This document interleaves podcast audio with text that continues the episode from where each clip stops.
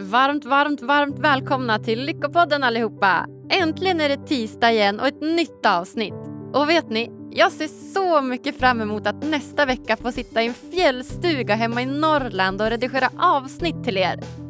Det är få saker som är så inspirerande som att prata med de här fantastiska gästerna och jag bara älskar att få dela med mig det till er. Idag ska ni få följa med på Simon Skölds resa.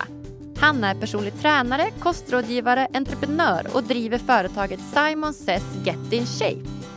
Vi pratar bland annat om varför han och hans fru Camilla Läckberg hamnade på första sidan av alla löpsedlar under en period. Om hur MMA har hjälpt Simon att bli lycklig. Om hur man gör för att ta sig till gymmet när soffan och chipspåsen lockar som mest. Hur man skapar motivation och även kostens påverkan på välmående. Ja, Simons fantastiska inställning smittar av sig och hjälper en verkligen att se livet på ett lite mer positivt sätt. Varsågoda mina vänner.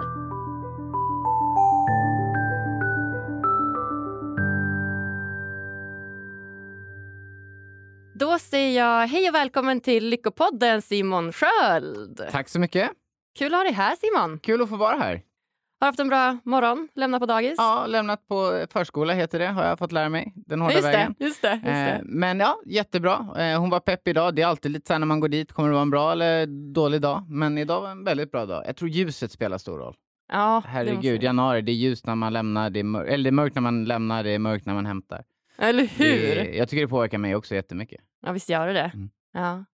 Är det alltid du som lämnar eller brukar ni dela upp det i familjen? Eh, jag eller? lämnar alltid Ja. eh, och sen delas vi om med hämtningen. Just Men det har blivit, eh, jag, eh, jag jobbar inte alltid hemifrån och jag drar ofta iväg och tränar så jag åker och lämnar, eller åker, vi har 600 meter till skolan. Ja, så det jag går. går och lämnar och sen går jag och tränar. Så att, eh, det har blivit vår lilla morgonrutin. Ja, vad härligt. Ja, men det är mysigt. Ja, jag förstår det. Du, igår när jag satt och försökte researcha lite grann här på dig så använde jag ju Google och googlade Ja. ditt namn. Ja. Och det var svårt att hitta vettig information Simon.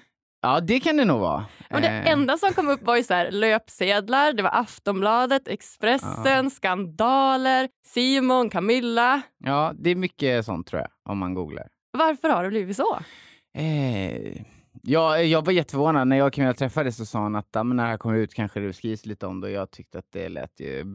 Vem är intresserad av det? Sen hade, fick jag ju bekänna färg där att jag hade ju helt fel. Men stor åldersskillnad var en jättestor grej. Jag är yngre, hon är äldre. Det var tydligen något som spelade jättestor roll. Och, eh, sen har det blivit väldigt mycket lugnare med åren. Sen vi både gifte oss och sen vi fick eh, Polly, vår dotter, så har det, tycker jag det har lugnat ner sig. Och idag så Idag upplever jag inte alls att det är på samma sätt. Nej, vad skönt. Ja. Ja, för du är då gift med författaren Camilla Läckberg. Mm. Hur länge har ni varit tillsammans? I sommar blir det sex år. Sex år. Mm. Ja. Och gifta då i tre i sommar. ja. Tror du att det hade varit eh, annorlunda om ni blev tillsammans idag? Ja, nu har jag ju passerat 30, så jag, alltså, jag är lite äldre. Eh, kanske. Jag vågar inte svara på det. Det är ju fortfarande, åldersskillnaden är ju samma. Eh, jag var ju 27 när vi träffades. Så eh, jag vet faktiskt inte om det skulle varit annorlunda eller om vi skulle fått samma början. För att eh, om man ser runt om i världen så ser man ju hur många äldre män som helst som Ja, är tillsammans med tiden. yngre kvinnor. Ja.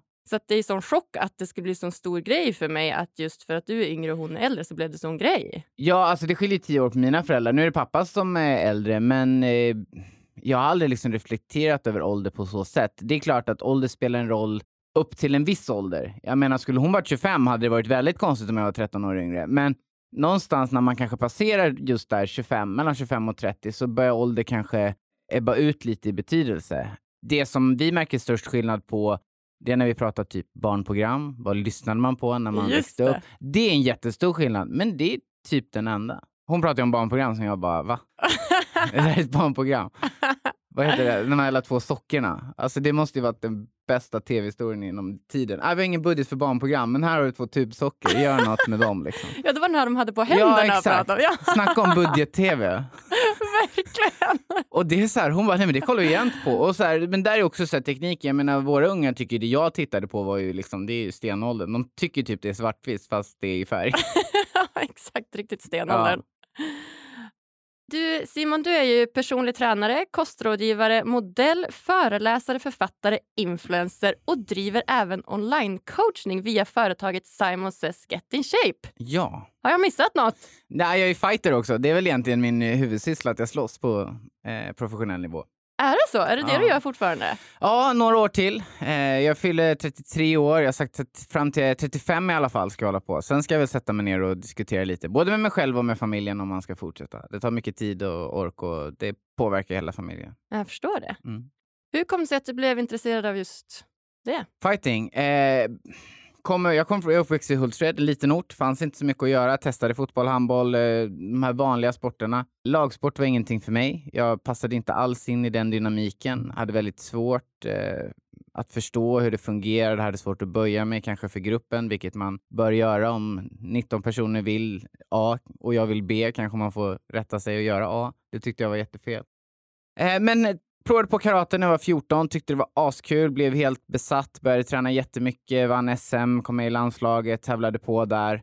Sen någonstans runt eh, 20 där när man hade tagit studenten, några ryckte in i lumpen, några började plugga, några träffade tjejer, några började jobba. Så blev lite splittrat landslag där ett tag. Och då började jag testa, leta nya utmaningar och då hamnade jag på, eh, i, i Nacka på en klubb som heter Nacka Dojo och testade MMA. Och blev, eh, det var väl kärlek vid första ögonkastet för mig. Passade mig mycket bättre, det var liksom full kontakt, eh, inte alls samma politik som det fanns inom karaten. Och ah, det var bara kul. Och det var liksom det. Det var kul. Det var därför jag började. Först när jag började träna hade jag liksom ingen så här, oh, jag ska börja tävla. Men efter ett tag så började jag märka att ah, men det här är kul, det går bra. Ja, började tävla lite. Och på den vägen var det. Ja, men spännande. Ja. Vad är det du tycker är så kul och vad är det du föll för när det kommer till just boxning eller MMA eller fighting Ja, överlag? men fighting överlag, det är väl utmaningen i det hela. Det är både en alltså, fysisk utmaning. Det finns ingenting jag kan göra mig så trött på eh, rent fysiskt som kampsport. Därför att när någon slår en, att man ska sluta jobba, det finns liksom inte. Att lyfta en vikt eller springa eller hoppa, det kan jag sluta med. För det finns inget som, då måste någon jaga mig. Då kommer jag aldrig sluta förrän jag dör. Men det är det här kampmomentet som gör att jag kan pressa mig till nivåer som jag liksom inte tror är möjliga. Och sen eh, den alltså, psykiska utmaningen, både i att det är läskigt, jobbigt, gör ont, men i det finns det också en strategisk utmaning i att hur liksom, är jag smartare än den andra? Hur kan jag vinna? Eh, hur, liksom, hur ska jag vara den som går vinnande ur, antingen på domslut eller på avslut? Så det är väl en stor liksom, utmaning eh, som jag gillar. Och eh, ju mer jag tränar, desto mer inser jag hur komplext det är och hur lite det egentligen är likt ett eh, liksom, slagsmål på gatan. Det finns väldigt få eh, likheter. För jag som inte alls är insatt i kampsport, Mm. jag tänker verkligen så. Jag bara, det här är ett slagsmål på gatan. Vad är det som kan vara så kul? Jag förstår ju att det har då både med en psykisk och fysisk utmaning att göra. Mm, för mig är det det. Och fighting på gatan är ju i princip aldrig rättvist. Eh, ett, det behöver inte vara en mot en. Eh, det finns ingen som bryter när det är dags att bryta. Folk tar tillhyggen. Alltså det går inte, vi liksom, båda linda Henna tar på sig handskar, sätter in ett tandskydd, har domare, läkare, tränare på plats. Det finns regler om en få, men det finns saker man får göra och inte får göra. Och det finns ett system hur man liksom ska vinna. Så det är väldigt stor skillnad. Även att man självklart kan få, kan få stryk och nej, upprepade smällar mot huvudet är inget bra. Men det finns bra mycket mer accepterade idrotter där det är större risk att få det. Ja. Vad kul att du har hittat din grej där. Då. Ja. Du, när jag kontaktade dig Mm. så skickade jag ut mejl och frågade om du ville vara med och prata om ditt expertområde träning kopplat till lycka. Ja. Vad var det första du tänkte då när du fick det här mejlet? Ja, men jag, alltså, träning är väl anledningen till att jag är lycklig. Jag hade jättesvårt när jag växte upp och eh, vad ska man säga, kanalisera ilska, förstå mig själv. Och det var väl träningen som hjälpte mig till, eh, till att komma till det. Det och sen att man mognar med ålder. Men träning var en stor del i att jag, jag var väldigt arg när jag var liten. Eh, jag hade svårt att kontrollera det. Mycket slagsmål i skolan. När jag började träna så ändrades allt det. Så det var väl liksom det som räddade mig. Jag vågar knappt tänka på vad jag hade suttit idag om jag inte hade börjat träna. Gud, så himla bra. Ja, Har det varit ett sätt för dig att hantera känslor? mycket.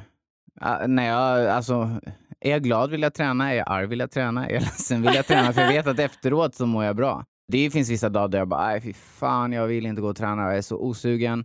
Och då, eftersom det är också en stor del av mitt jobb, så måste jag tänka efter. Okej, okay, men är du lat nu eller är det så att du kanske har en infektion på gång? Alltså, så här, är det verkligen någonting annat som stoppar dig? Men är det att jag vill vara bekväm eller lat, då, då går jag och tränar och efteråt har jag aldrig ångrat det beslutet. Jag mår alltid bra efteråt. Man får alltid påslag av endorfiner och avslappnad och nej, mår bra. Det som var ett problem innan ser jag en lösning på. Så där. Något sätt att kanalisera tankar, sortera, kanske rensa också. Gud härligt. Mm. Hur mycket tränar du? Nu tränar jag mindre än vad jag gjorde förr. Max 10 pass i veckan, eh, men ligger väl ständigt på kanske 6 pass i veckan om jag inte har säsong. Jag tycker om att träna. Jag tycker det är kul. Jag behöver träna. Så att, eh, för mig är att träna... En del kan tycka att det låter jättemycket, men för mig är sex dagar i veckan det är liksom min normalnivå. Mm. Ja, det är viktigt med återhämtning också. Det är superviktigt och det förstår man, ju äldre man blir desto mer förstår man det. det är, man är inte 20 längre. Det är, det är stor skillnad i kroppen på, på fem år. Eh, jag skulle säga att jag är mer vältränad nu, men jag måste vara smartare i mina val. Liksom. Jag måste vara noga med uppvärmning, hur jag återhämtar mig. Jag går på eh, alltså, något som kallas för LPG eh, en gång i veckan. Vad är det? Man tar på sig som en eh, kroppsstrumpa eh, och sen har man en maskin då som ja, suger upp hud och bindväv och ökar blod, eh, blodgenomströmningen, då, så påskyndar återhämtning, tar bort slaggprodukter. Och jag, min bindväv är ganska stel så att, eh, släpper loss lite på den också. Och det är väldigt skönt. Okej, okay, så ett sätt att hjälpa kroppen att återhämta ja, sig? Ja. Jag tog somnar ju. Alltså, jag lägger mig ner på rygg och sen somnar jag och så vaknar jag när jag ska ligga på, eller på mage när jag ska ligga på ryggen. Äh, vad härligt! Gud, jag ser framför mig det är en sån här grön kroppstrumpa du vet. Som ja, den är typ grå eller mörkbrun typ. Men eh, ja, man är inte skitsnygg i den, men det spelar inte så stor roll. Det är fett skönt.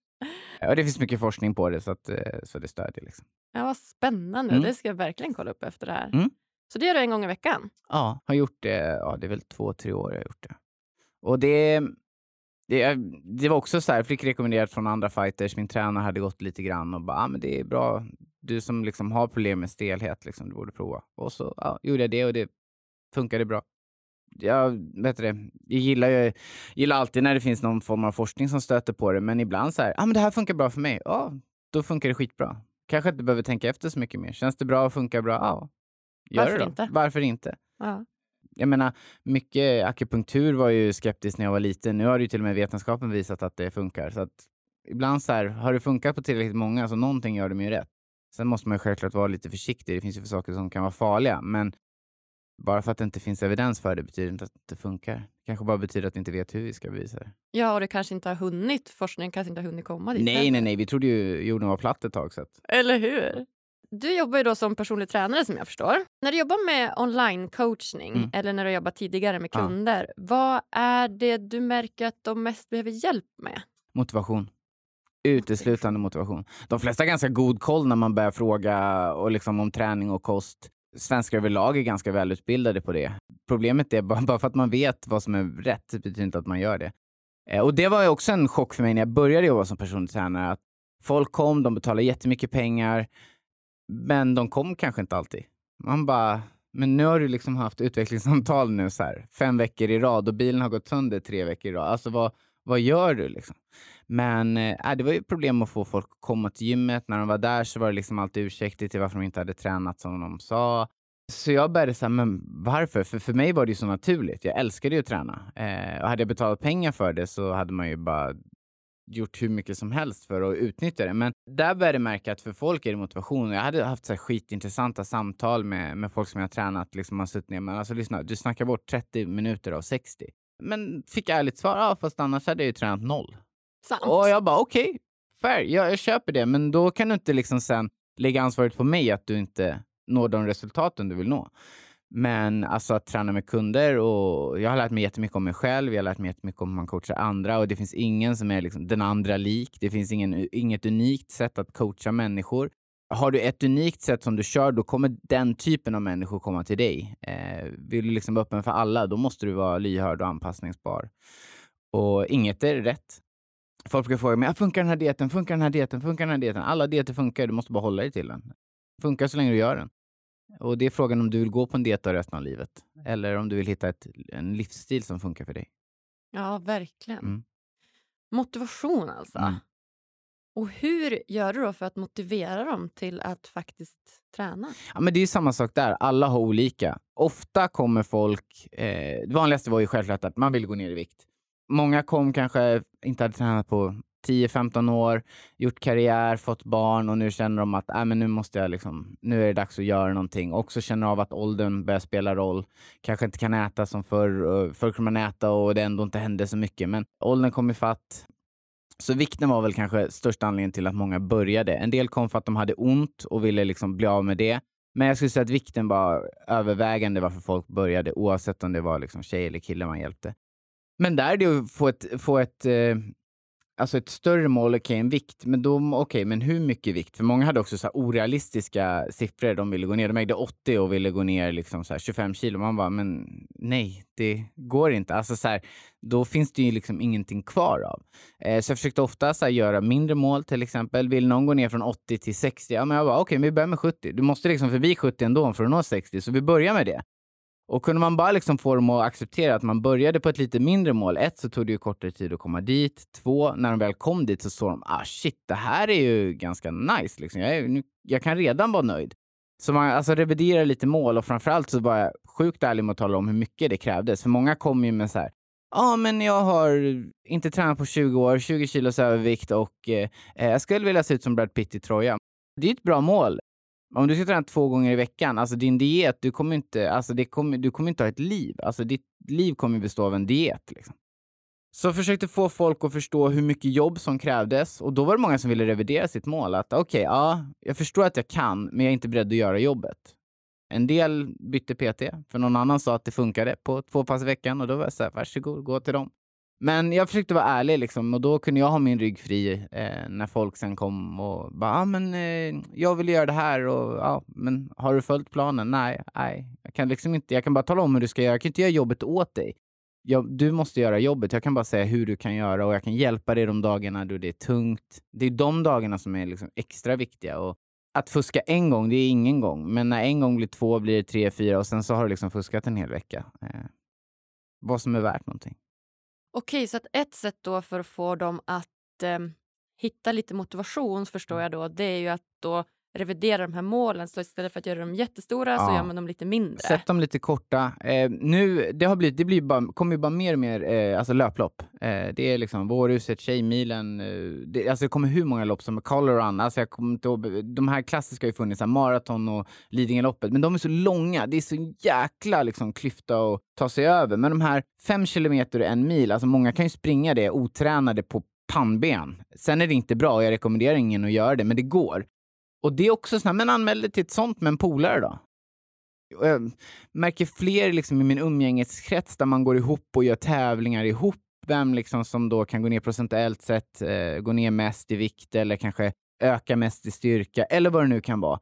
Och det är också så här, man gör det liksom mot varandra. Det är, det är en tävling fast ändå inte. Vi gör bara det för att må bra, men vi liksom kryddar det lite grann.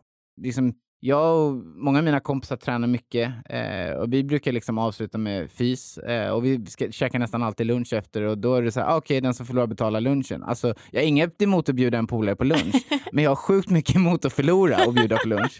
Så liksom, ah, men så här, det funkar för oss och det är för att vi är tävlingsmänniskor, så det är extra roligt. Så man får liksom man får hitta sina sätt att få det att funka. Och det måste funka i vardagen träna hemma är någonting som är sjukt underskattat. Många tror att man inte kan få bra resultat. Du kan få otroligt bra resultat på att träna hemma. Du behöver inte åka till ett gym. Du behöver inte ha ett gymkort. Jag menar, det finns, I Stockholm till exempel finns hur många utgym som helst som är gratis och öppna för alla dygnet runt. Hantlar, kettlebells, TRX-band, gummiband. Det finns hur mycket grejer som helst som man kan ha hemma, även om man liksom bor i en etta och bor trångt, som inte tar någon plats, men som du kan göra jättemycket med. Men du måste fortfarande göra det. Du måste fortfarande använda dem.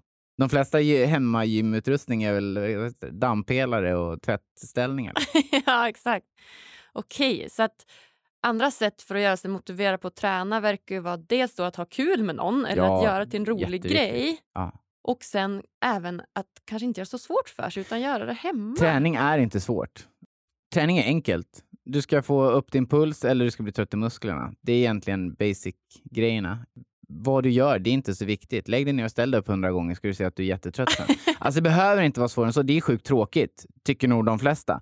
Men det funkar. Det behöver liksom inte vara så komplicerat. Och blir du motiverad av liksom nyaste löparskorna eller någon grym pulsklocka där du kan mäta allting och se, ja, det är skitbra. Kör på det. Men du måste inte ha det för att komma i form.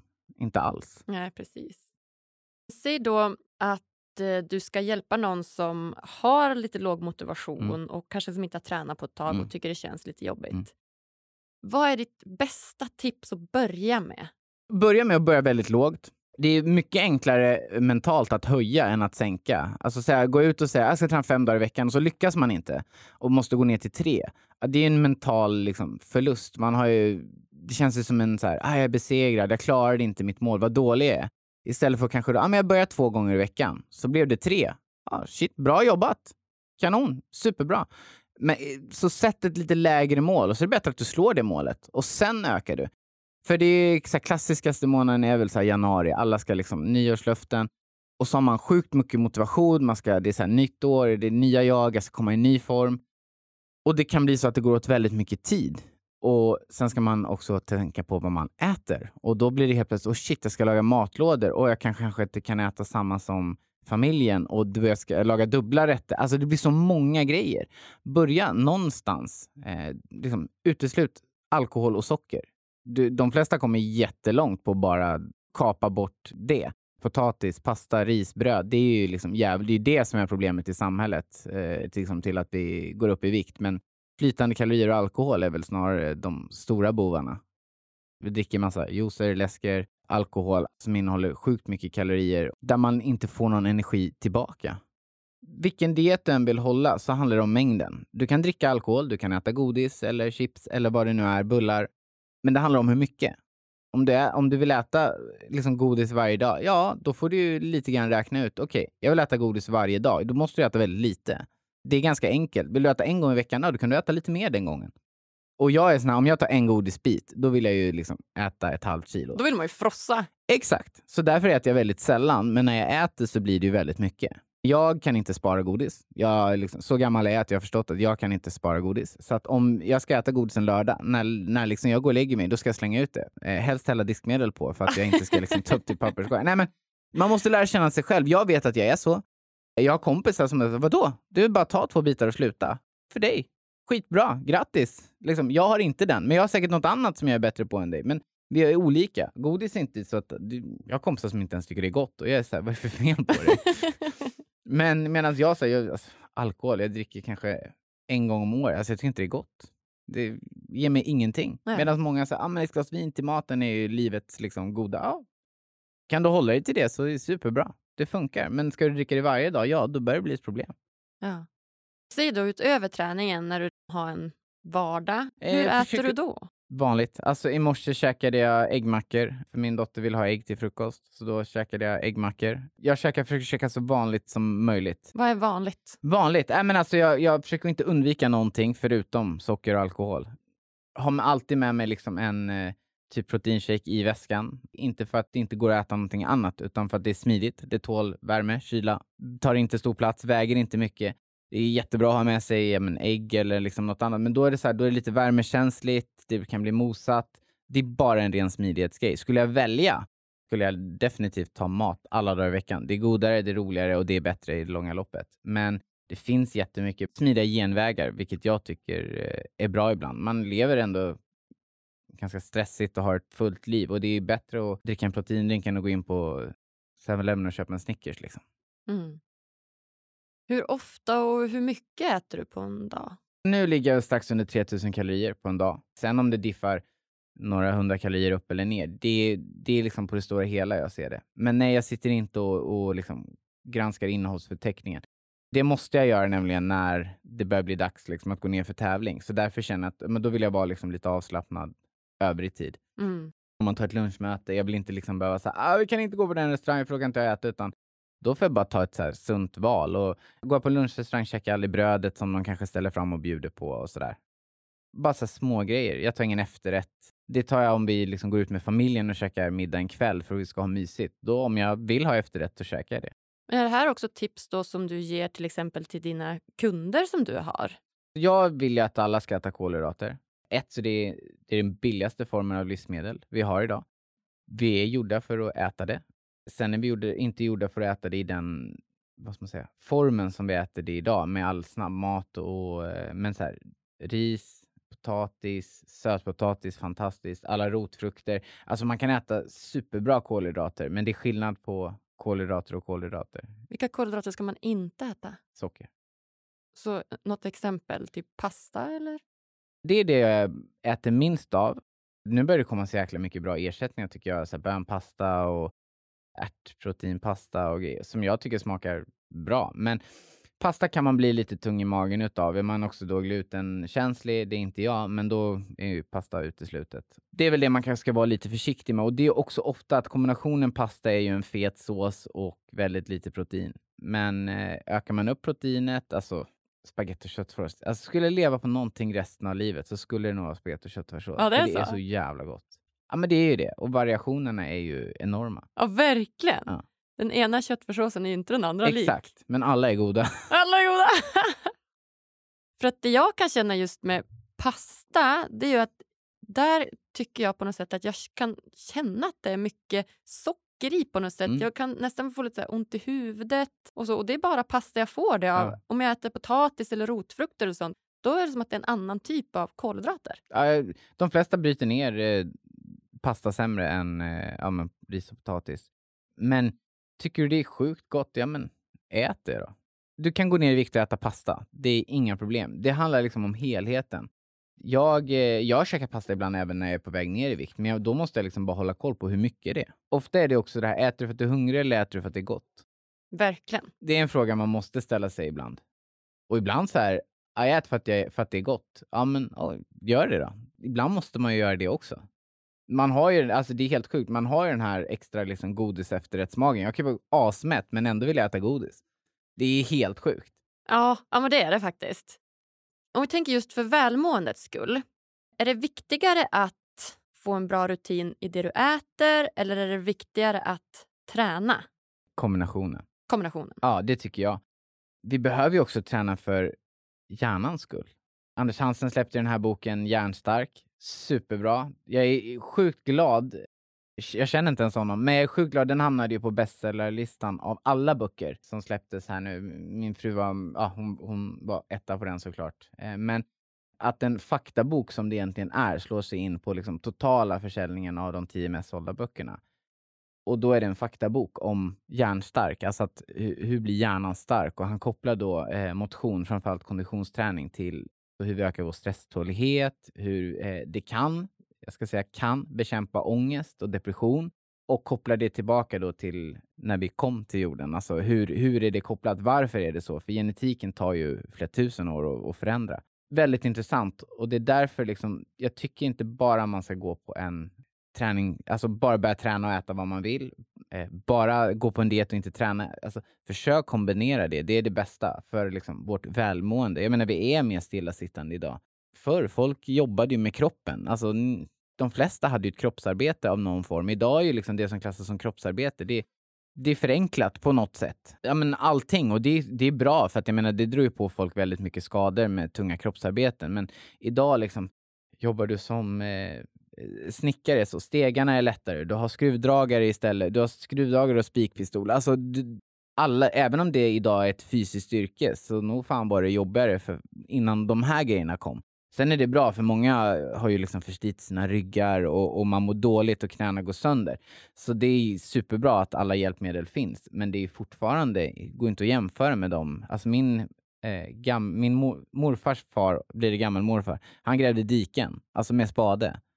Det är inte så att det jobbet finns kvar. De Nej. fick betalt per meter. Ja, shit alltså. Ja. Ja. det är lite annorlunda än vad det är idag. Ja, Man sitter och knackar på sina datorer och ja.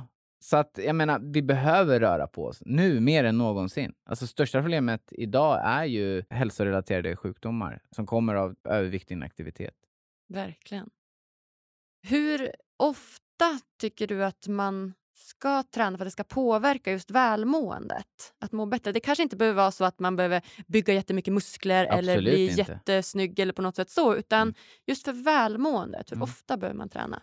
En gång är bättre än ingen gång. Alltså det, det är som, tränar du ingenting och börjar träna en gång, det är en 100% ökning. Börjar du träna två gånger är det 100% ökning från det. Så att jag skulle säga, alltså, skulle jag liksom rekommendera någonting så två till tre gånger i veckan skulle alla behöva träna. Ja, men två till tre gånger i veckan, ja, det är väl rimligt. Och där faller det här argumentet som folk kör med att "Ja, men jag har inte tid. Och det är också så här, men träna hemma då. Liksom. Du kan göra armhävningar, situps och knäböj framför tvn och du behöver inte ens köpa någonting. Du kan göra det i dina underkläder innan du ska duscha. Alltså, det går om man vill. Det är inte alltid kul. Det är inte alltid liksom så här, wow vad det här var nice just nu. Men i långa loppet så kommer du må bättre, leva längre, ha en hälsosammare, ett hälsosammare liv. Men målet är ju liksom hjälpa folk att hitta det de tycker är kul. Så att det är så här, yes, idag är det min dag jag ska få gå och träna.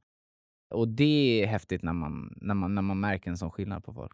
Hur eh, märker du den skillnaden på folk när de går från att kanske så här, träna för att det inte är så kul till att gå och träna för att det faktiskt är kul? Ja, Men ofta när folk tränar för att det är kul så ger de ju lite mer. Jag hade en jätterolig konversation igår med en kund då han, hans 13-åriga dotter helt plötsligt ville följa med och träna för att han hade börjat. Jag bara, men det är klart, hon gör ju som du gör, inte vad du säger. Verkligen. Att du säger att du behöver gå ut och röra på dig. Om du sitter inne framför tvn, ja, det är så det blir. Barn gör som vi gör, inte som vi säger. Det ser jag på min egen dotter. Sätter jag mig med telefonen, ja då tar inte lång tid innan hon sätter sig med en iPad. Börjar jag göra någonting, hon kastar iPaden och sen är hon efter och kollar, lär sig, tittar alla dagar i veckan. Så vill man aktivera barn, gör någonting själv. Ja men verkligen, den är ju jättebra. Att Mm. barn gör inte som man säger, de gör som man gör. Alltid. Det tror jag. Uteslutande. Och kanske även vuxna också. Ibland alltså. Barn mer tror jag. Så att du går och duschar och Camilla bara, nu måste jag också duscha! Ja, precis. Ex ja, det, nej, så är det ju inte riktigt. Nej. Nej, men de ska ta bort så här, idrott i skolan, ska dras ner på. Man bara, det är det enda ni behöver öka. Liksom. Ska det det? Ja, de har gjort i omgångar.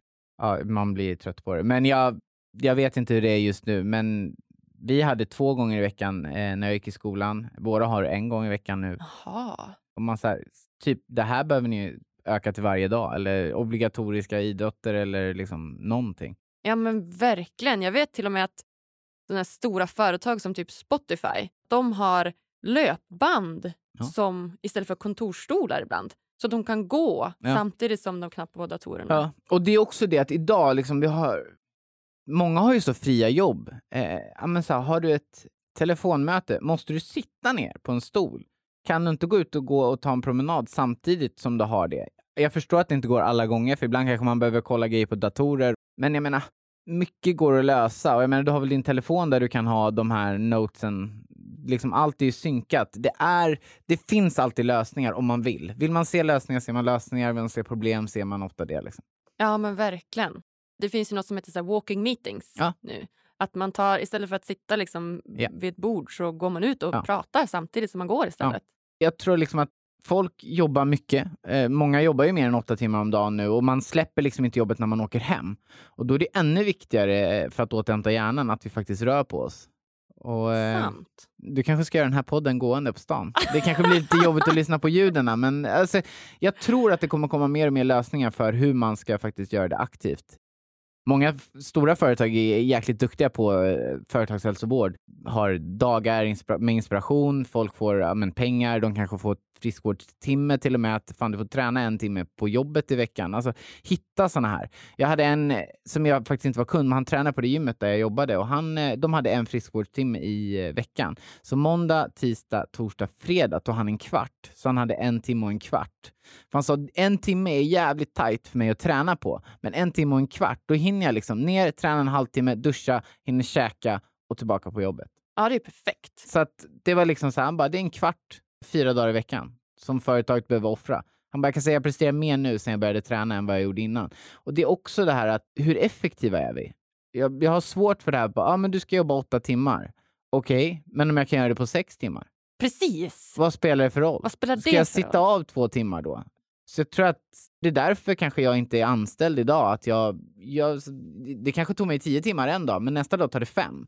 Men står du på en fabrik och ska sköta ett band eller står i kassan någonstans, ja det är klart att det jobbet tar ju åtta timmar om du har det passet. Men många jobb är ju så här, ja, men du ska ha klart de här, de här uppgifterna. När kom vi fram till att det, måste, det ska ta åtta timmar? Det ska inte ta nio och det ska inte ta sju. Nej. Där börjar, tycker jag man hör att företag blir mer flexibla. Liksom, att ja, men så länge du sköter jobbet så kan du väl jobba lite vart du vill. Och...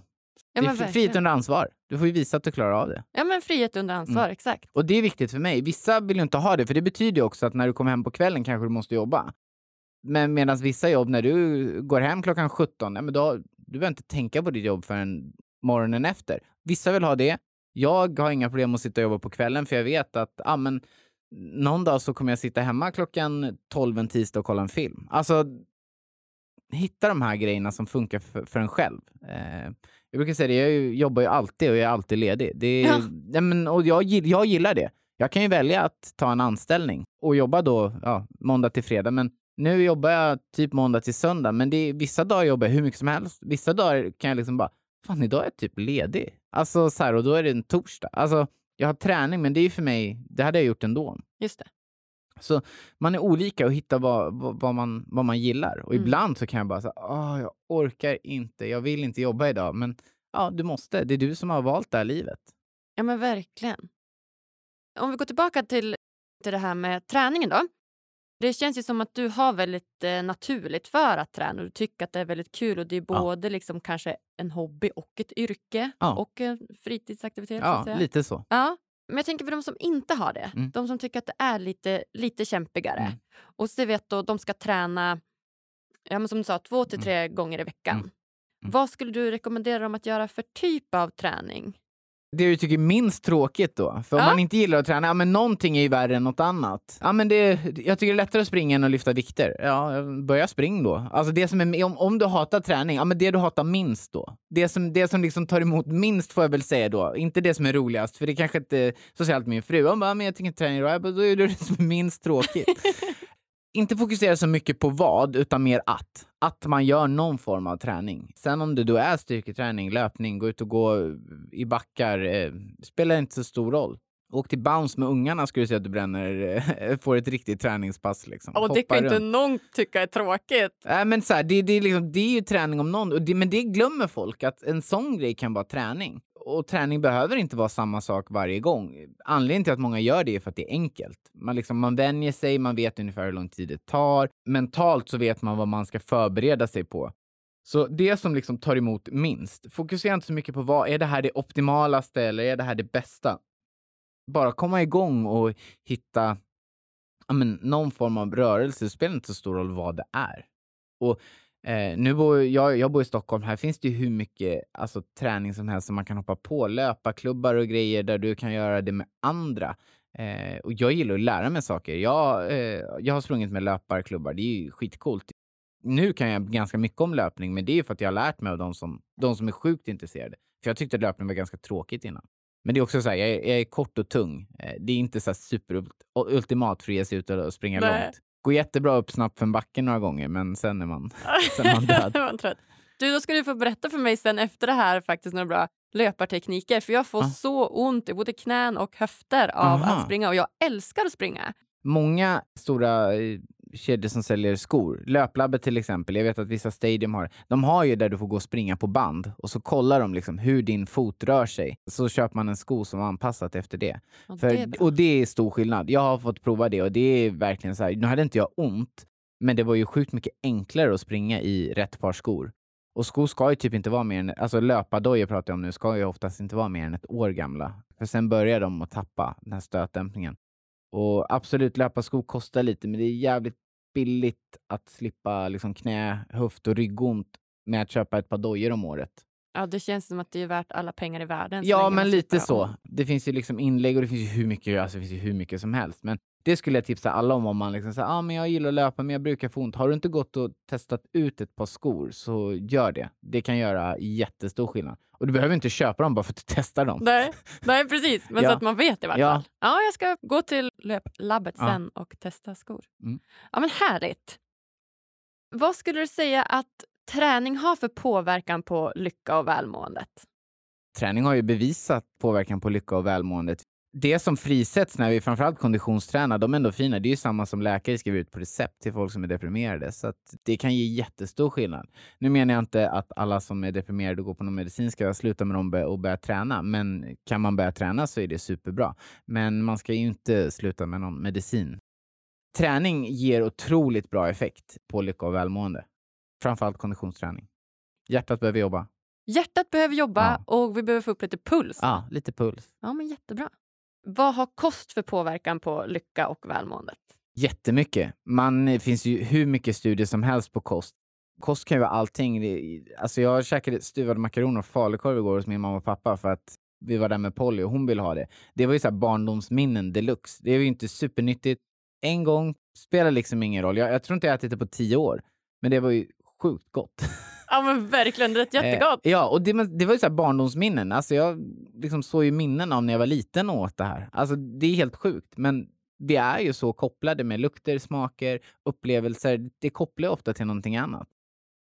Jag menar, jag, jag är inte så mycket för tonfisk längre, för jag åt det så jävla mycket när jag dietade för många år sedan. Och nu har jag väl typ börjat tycka om det igen, men det blev så att jag liksom inte gillade det. Jag bara, nej, tonfisk, jag vill inte ens testa, även om det var jag vet att det typ hade varit gott, men nej, det bara rimmade illa. Så att kost och välbefinnande har ju jättestor påverkan.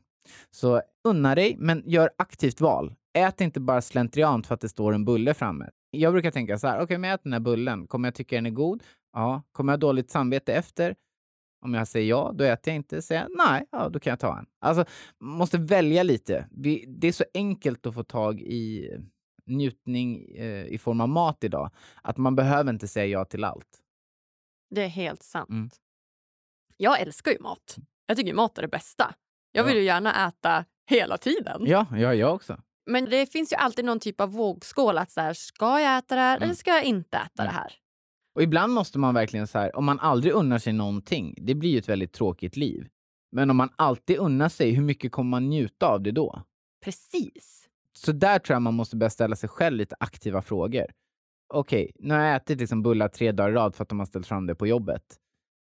Kommer jag bli lyckligare om jag äter det fyra dagar i rad? Eller är det just liksom den här, vad tar det att äta en bulle? För mig är det typ 30 sekunder. Nej, men de Ja. här minuterna av njutning, är de värda det? Och det är bara en fråga som man själv kan svara sig på. Man vet ju att det kanske inte är den bästa näringen man kan få i sig, men det kan också vara en trevlig... Man sitter och pratar med sina kollegor eller sina vänner, man dricker en kopp kaffe, te eh, och tar en bulle. Det kan ju vara skittrevligt. Det kan ju ge energi på ett annat sätt. Alltså det kan ju ge näring för hjärnan i så, så sätt att de konversationerna man får vara med om och liksom det man får dela, det är värt mer än att ah, det var lite onyttigt. Men är det slentriant varje dag så tror jag att man kanske ska säga nej någon gång. Ja, men precis. Och prova att säga nej. Liksom, du kan väl gå och köpa en bulle efter jobbet om det är så. Ja. Om, om du har så här, "Nej, jag saknar den där bullen. Ja. Mitt liv är sämre Ja, utan exakt. den här bullen. Exakt. Alltså, prova. Vad, vad, vad, är, vad är det värsta som kan hända? Du ångrar dig, men jag menar, om du aldrig provar kommer du aldrig veta. Nej, helt sant. Det är bra inställning på dig Simon. Mm, tack. Ja.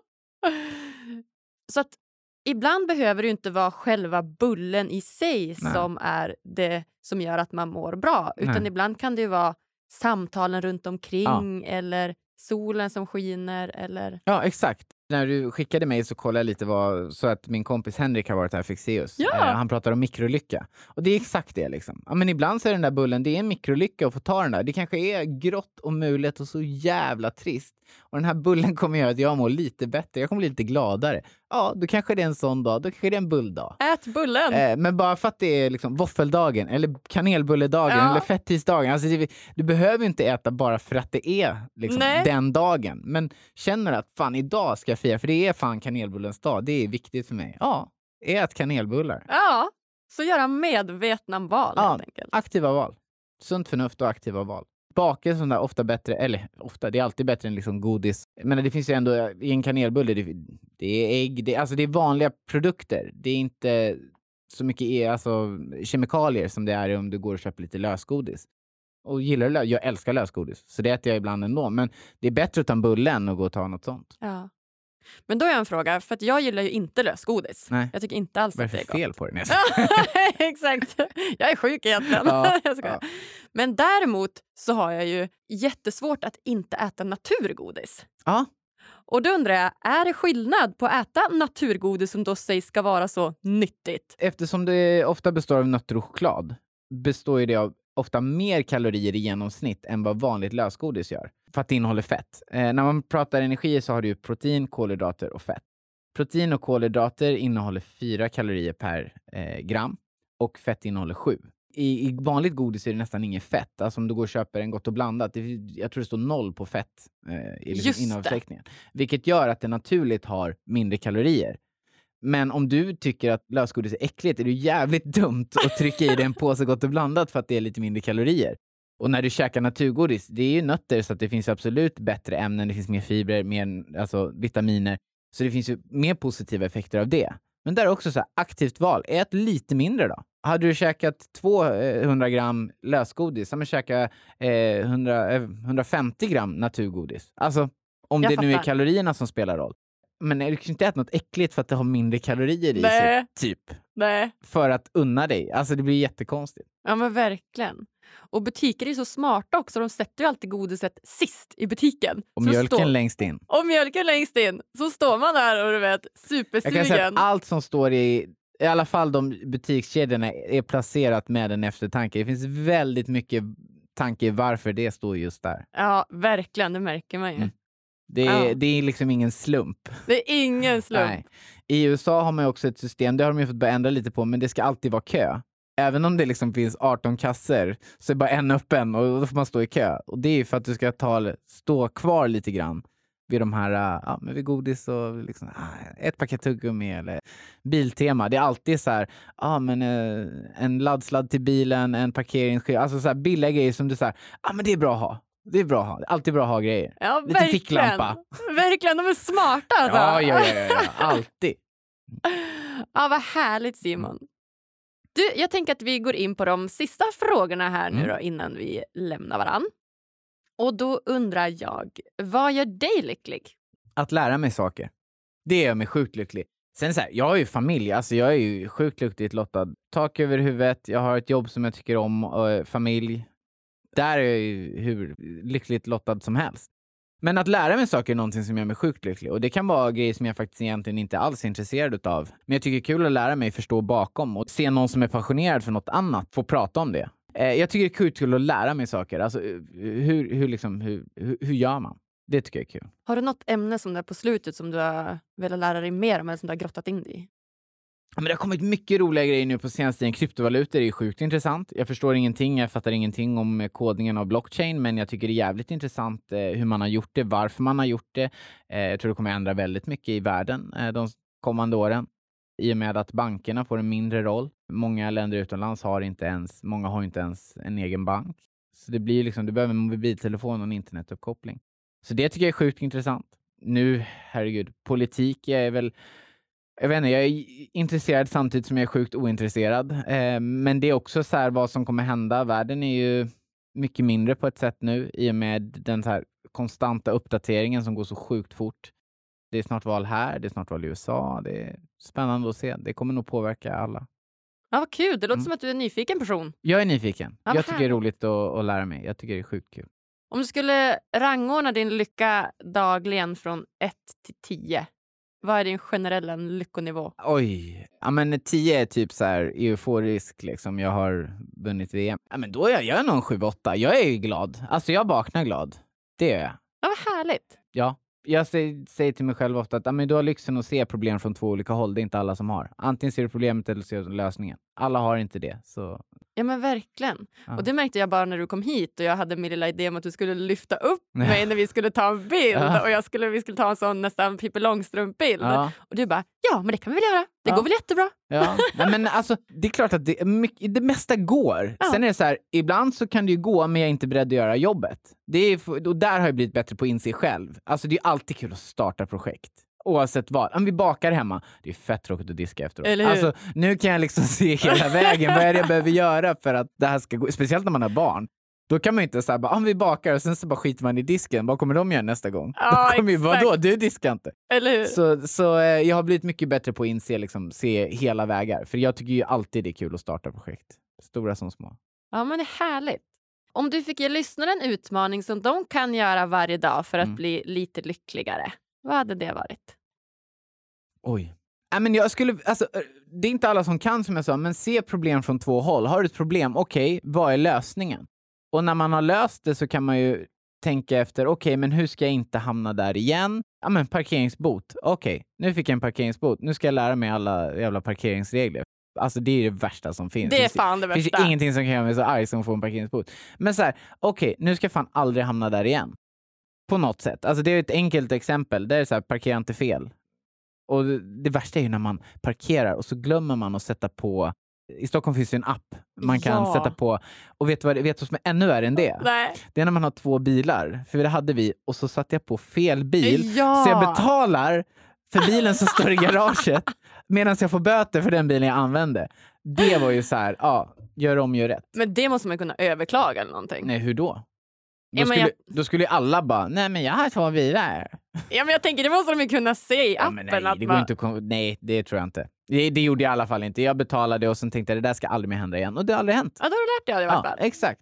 Ja, men jättebra. Så Dyr läxa. Dyr läxa. Ingenting att rekommendera. Nej, verkligen inte. Så se problem från två håll. Ja, det skulle jag säga. Jag tror det kan lösa mycket. Ja, men och det är inte alltid man kan göra det. Ibland är det bara ett problem.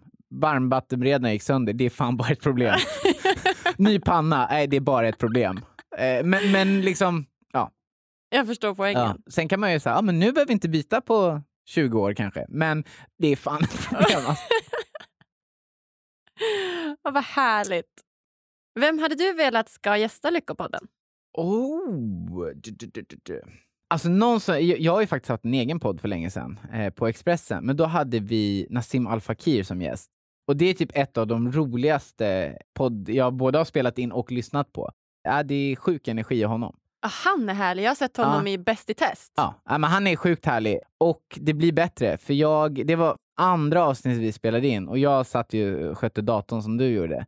Och jag skrattade ju så mycket så någonstans kom jag ju åt pausknappen. så halva avsnittet blev inte inspelat. Och det var också så här skönt för jag fick ju ringa honom och liksom, ja, förlåt. Eh, nej, det, det är liksom halva programmet finns inte. Och han bara, jaha, ja, men vi spelar väl in det igen då?